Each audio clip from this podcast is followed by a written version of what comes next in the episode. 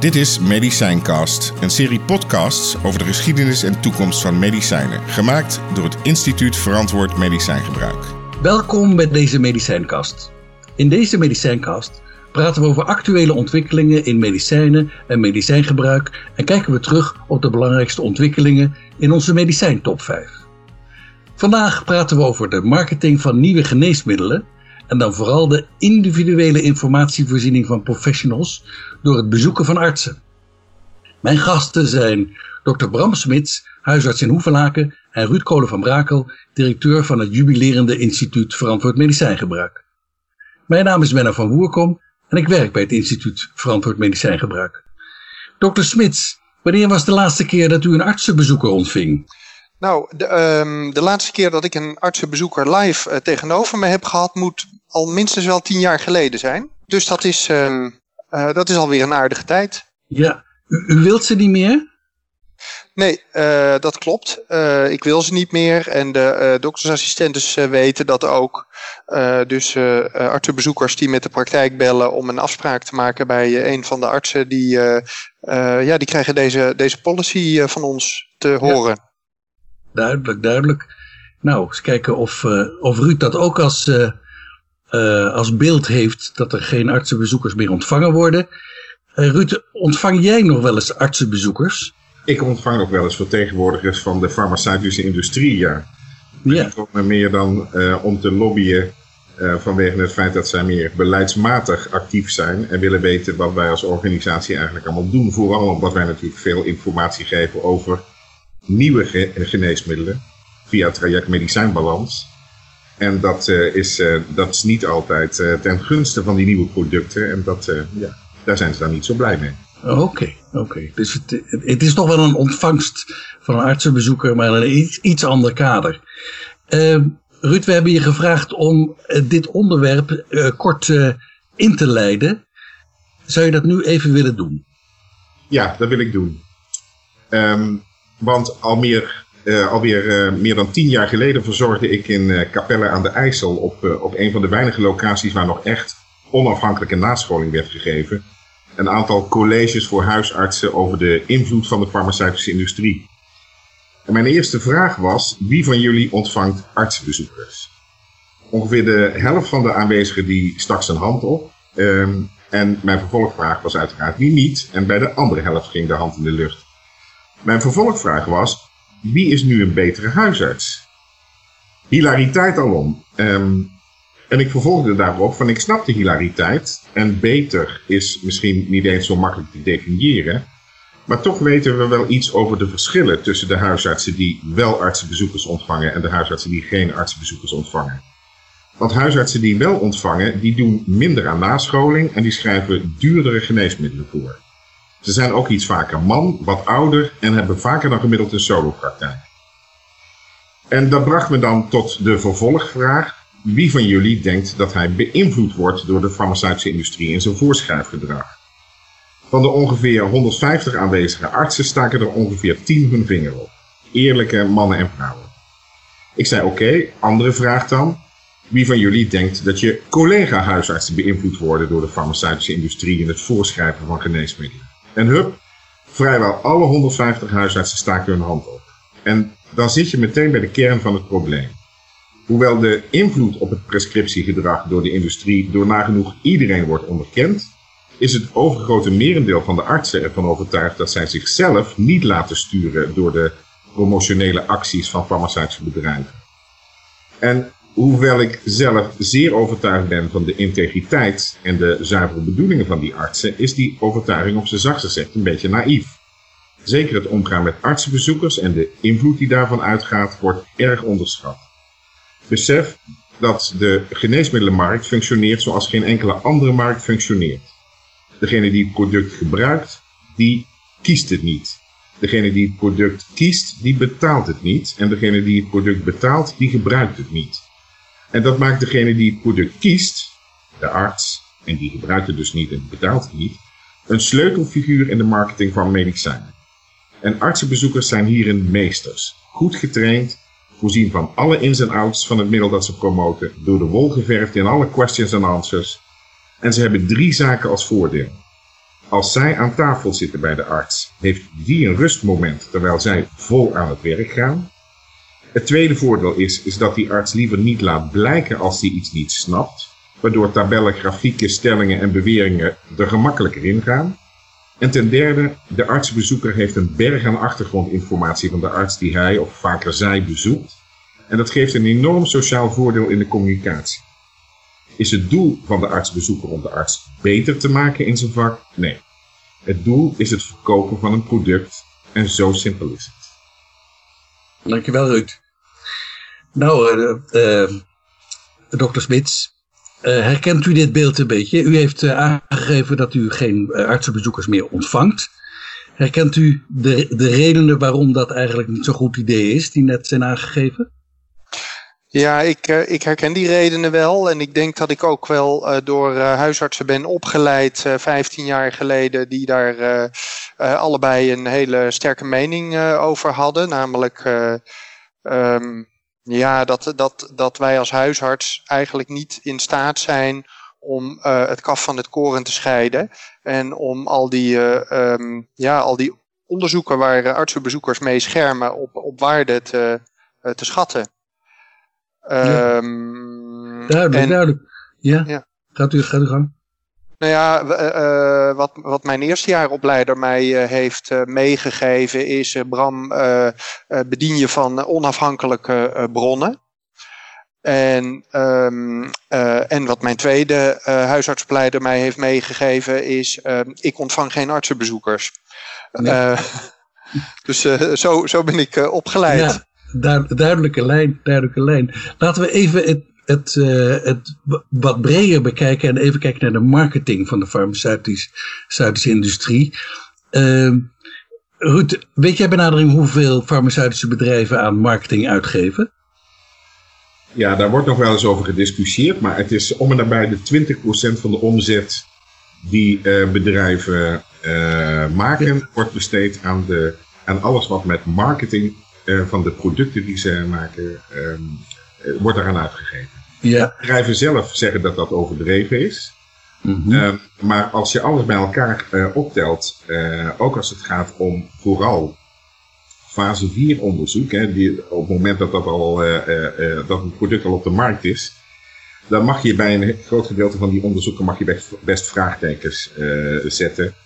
En vallen die onder de, onder de term seeding trials, die eigenlijk alleen maar bedoeld zijn om zo'n product wat makkelijker de markt in te krijgen.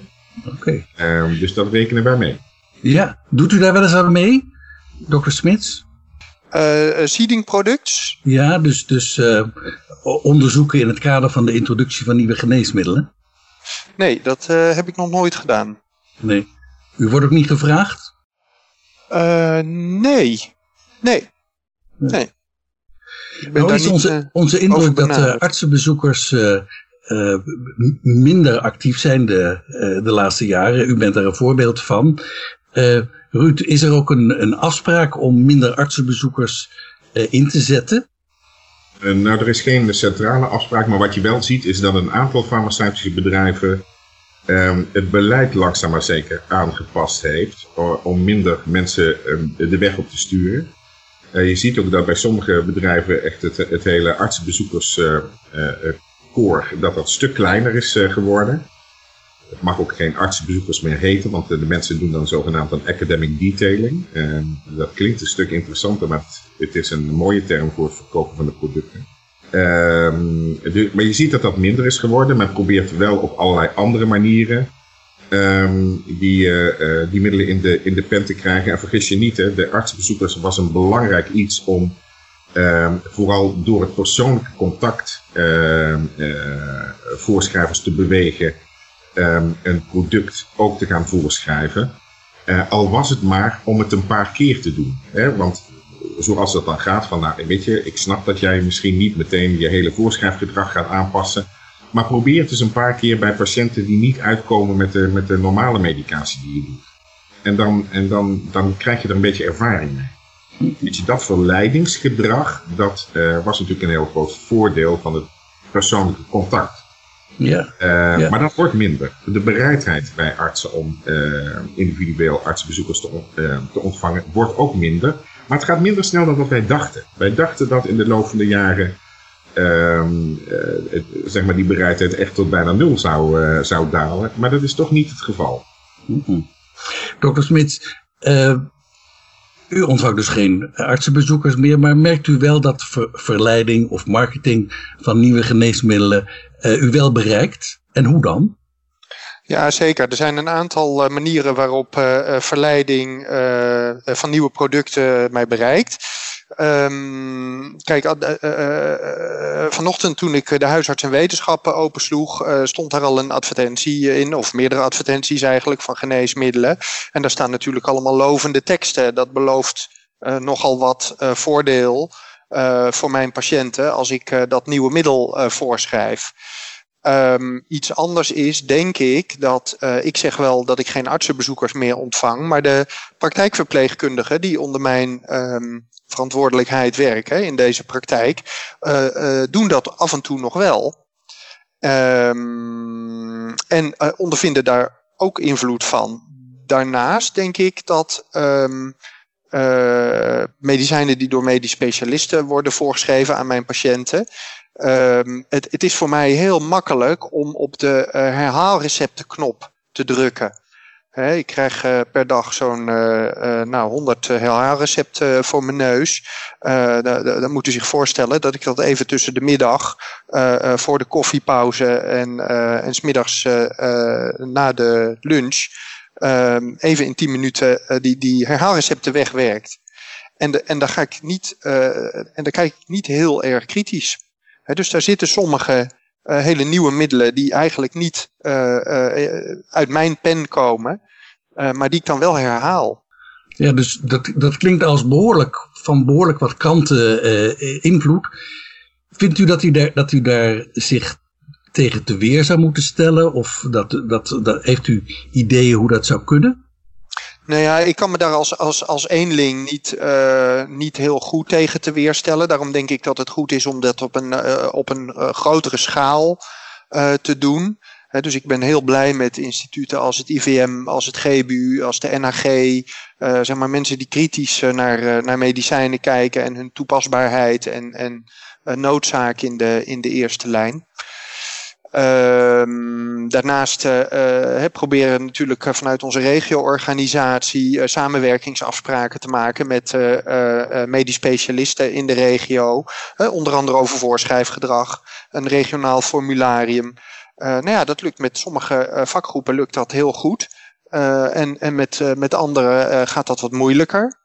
Um, ik denk ook dat um, in de, in, de, in de tweede lijn en misschien al helemaal in de derde lijn invloeden van uh, de farmaceut uh, over nieuwe middelen uh, wat, wat, wat minder onwenselijk zijn dan in de eerste lijn. In de eerste lijn moeten we ons denk ik bescheiden opstellen, moeten we gebruik maken van producten die al, waar al veel ervaring mee is. En in de tweede lijn, zeker in de derde lijn, um, ja, mag een medisch specialist denk ik best een beetje uh, uh, om zich heen kijken en ervaring opdoen met nieuwe middelen. Dus uh, daarin ja. um, past, past ons ook enige bescheidenheid, denk ik. Ja. Ruud, heb jij nog tips voor een huisarts die de invloed van de farmaceutische industrie bij gen nieuwe geneesmiddelen wil beperken? Nou, laat, laat, ik eerst zeggen dat ik dat wel herken, wat, wat de heer Smit zegt. Want het is natuurlijk zo dat de patiënten die je in de eerste lijn ziet, dat zijn andere patiënten dan die je in de tweede lijn ziet. Dat klinkt wat, wat raar, maar in principe is het zo dat een, een patiënt die zich in de eerste lijn presenteert, die is gezond totdat het tegendeel bewezen is. En in de tweede lijn is de patiënt ziek totdat het tegendeel bewezen is. En dat maakt een soort van andere benadering uh, van, de, van de patiënten. En dat zal ook, uh, zeker als het gaat om nieuwe geneesmiddelen, medisch specialisten wat eerder kunnen verleiden om toch te kijken uh, uh, wat kun je mogelijkerwijs doen. Ik denk wel dat er een belangrijk uh, fenomeen aan, aan de hand is, zeker ook in de eerste lijnen. En dat is het spreiden van het voorschrijfgedrag dat voorheen alleen aan huisartsen was voorbehouden. Maar dat nu ook door andere specialistische verpleegkundigen, et cetera, gebeurt. En dat is een, een vrij nieuwe doelgroep die vol getarget wordt door de farmaceutische industrie. Wij zien dat bijvoorbeeld in het voorschrijfgedrag van insulines. en andere middelen bij diabetes, waarvan wij denken daar zit ineens zoveel ondoelmatigheid in. En dat heeft waarschijnlijk voor een belangrijk deel te maken met het feit dat die nieuwe generatie voorschrijvers helemaal niet gewend is om kritisch te kijken naar datgene wat, wat hen voorgespiegeld wordt. Dat is wel een tip aan huisartsen. Uh, bereid ook je medewerkers, medewerkers in jouw praktijk voor op hoe je kritisch moet kijken naar datgene wat daar gepresenteerd wordt. En dat is lastig, want uiteindelijk je hebt een aantal taken gedelegeerd. Dan wil je ook niet meteen uh, uh, daar corrigerend gaan optreden. En toch is het soms nodig. Goed, dankjewel. Uh, is onafhankelijk artsenbezoek misschien uh, de oplossing voor het informeren van, uh, van uh, artsen en de gezondheidszorg? Daarover hebben we het zo, maar eerst gaan we eens kijken naar de afgelopen 25 jaar en wat voor een belangrijke geneesmiddelen er zijn geweest. En daarvoor hebben we. De medicijntop 5. Iedere medicijnkast vragen we onze gast welk nieuw geneesmiddel de afgelopen 25 jaar de meeste impact gehad heeft. Om ergens te beginnen hebben we de vijf meest afgeleverde nieuwe middelen van die periode op een rijtje gezet. De vorige keer is daardoor dokter Maarten Mensink, kinderanesthesioloog, het middel remifentanil bijgeplaatst. Een, sterk, een sterke pijnstiller die kortdurend een diepe pijnstilling geeft, wat de wereld van de chirurgie een enorme, enorm veranderd heeft. Al dus dokter Mensink. Die top 5 bestaat nu uit remifentanil. Nummer 2 pantoprazol, een maagzuurremmer. Nummer 3 desloratadine, anti-allergiemedicijn. Atovastatine bij te hoog cholesterol. En clopidogrel, een antistollingsmedicijn. Dr. Smits, welk geneesmiddel zou u willen toevoegen en er afhalen? Nou, de, um, het, de geneesmiddelengroep die ik zou willen toevoegen zijn de DOACs. Uh, de DOAX die uh, zeg maar uh, bij, in eerste instantie bij mensen met atriumfibrilleren en tromboembolische aandoeningen recidive en trombose kunnen voorkomen. En die ehm, ja, eigenlijk de, meer en meer de plaats zijn gaan innemen van de coumarines. waarbij um, ja, eigenlijk het gebruiksgemak, denk ik, um, en, het, en ook het voorschrijfgemak uh, in positieve zin uh, uh, ja, eruit blinkt. Mm -mm. Ik denk dat de DOAX, dat heb ik toch wel als een, een, een, een kleine revolutie ervaren. Kijk aan. En welke zou ik eruit willen hebben? Ja, ja. dat ik. De, um, nou, uh, wij hebben ook afgesproken dat dat niet hoefde. Hè? Dat ik er niet een ja. medicijn uit hoef te halen. Nee. Mes niet op de keel. Nee, Nee, dus ik wou het eigenlijk uh, uh, daar dan even bij laten. Oké, okay. dus de clopidogrel gaat er niet uit? Nee. Nee. nee. Daar, is nog, uh, een, een, daar is ook nog wel een indicatiegebied voor. Goed. Maar Ruud, zou jij er eentje voor hem uit willen halen? Nee, ik, ik denk dat dit, dat dit allemaal geneesmiddelen zijn die een belangrijke bijdrage hebben geleverd de afgelopen jaren. Prima. Um, en uh, wat dat betreft, het, het, is ook verleidelijk. Hè? Ik denk wel dat je de volgende keer misschien wel het mes op de keel zou moeten zetten. Want anders heb je straks een top 10. Ja. En dan wordt het alleen maar uitgebreider. Ja. Um, ik, ik, ik, denk in zijn algemeenheid dat het natuurlijk wel van belang is om je te realiseren dat we niet alleen maar meerwaarde erbij uh, krijgen. Hè? Het zou helemaal niet zo gek zijn om op een gegeven moment te zeggen van goh we hebben zo'n mooie lijst uh, meerwaarde. Maar misschien moeten we eens een keer gaan nadenken over middelen die op de markt zijn gekomen die niets hebben bijgedragen. Mm. Dat zijn er namelijk ook nog wel wat. Dat is ja. een heel ander lijstje, maar dat is voor de toekomst. Nou, hartelijk dank. Uh, ik wilde even naar de onafhankelijke artsenbezoeker. En dat wil ik ook via de band van uh, Medicijnbalans. Medicijnbalans is een programma van uh, het Instituut Verantwoord Medicijngebruik, waarbij objectieve, zoveel mogelijk objectieve informatie over nieuwe geneesmiddelen wordt, uh, wordt gegeven. Uh, Ruud, uh, medicijnbalans is een succes. Waarom is het een succes?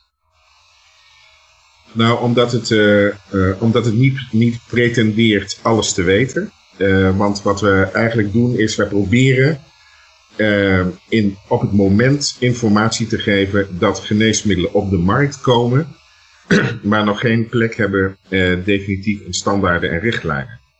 En dat is een periode waarin nog heel veel vragen uh, leven over, over de geneesmiddelen, over de lange termijn effecten, over wat doet het bij, bij hele kwetsbare groepen die niet in, in de onderzoeken zijn meegenomen, et cetera.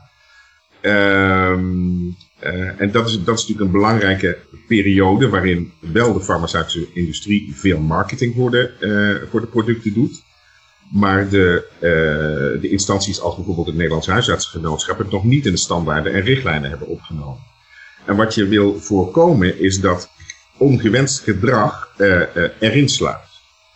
Ehm, want je kunt beter gedrag voorkomen dan gedrag veranderen, is, is onze ervaring. En nou, wat wij dan doen in die fase is zo sec mogelijk informatie geven. Wat weten we en wat weten we niet.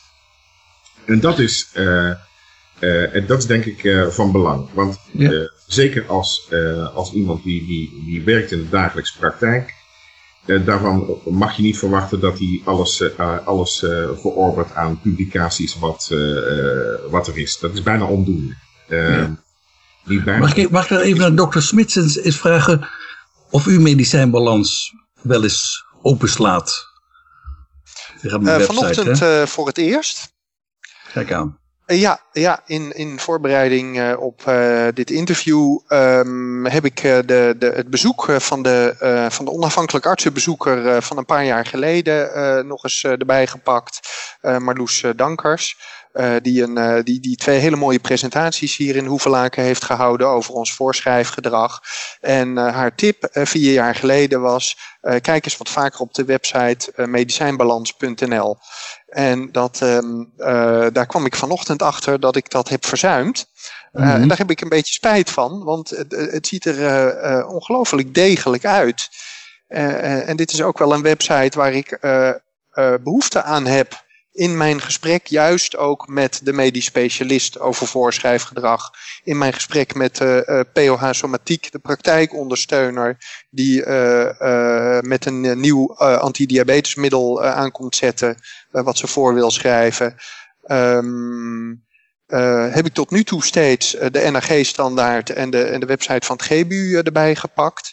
En um, nou, medicijnbalans.nl uh, uh, kan daar ook een rol in vervullen.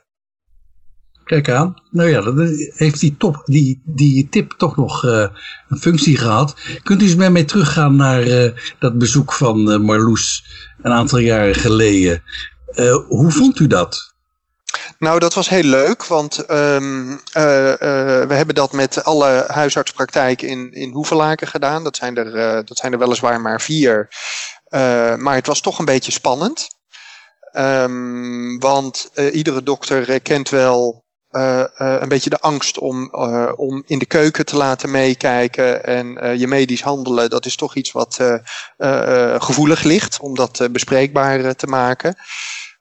nou ja, wij hadden al wel ervaring een aantal jaren met praktijkspiegels die we van de zorgverzekeraar krijgen. Dus Um, enige reflectie op ons uh, uh, handelen was ons uh, niet vreemd. Maar toch, dan komt er een, een, een, een apotheker die er veel verstand van heeft, van het IVM. Um, ehm, die komt dan um, kijken hoe wij het doen.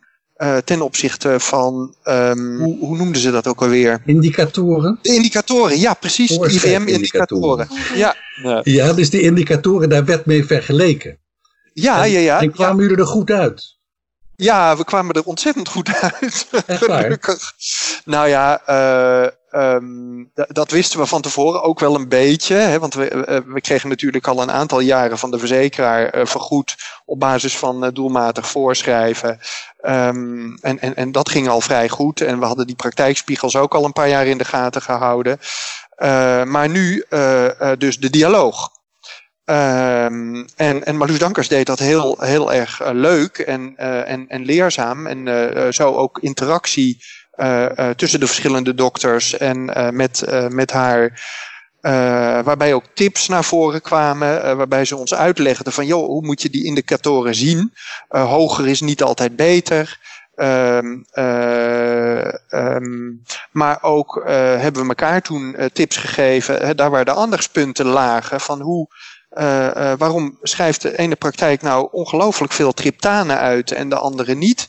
En hoe doet die praktijk die dat wat minder doet? wat, hoe gaat hij om met zijn, met zijn patiënten?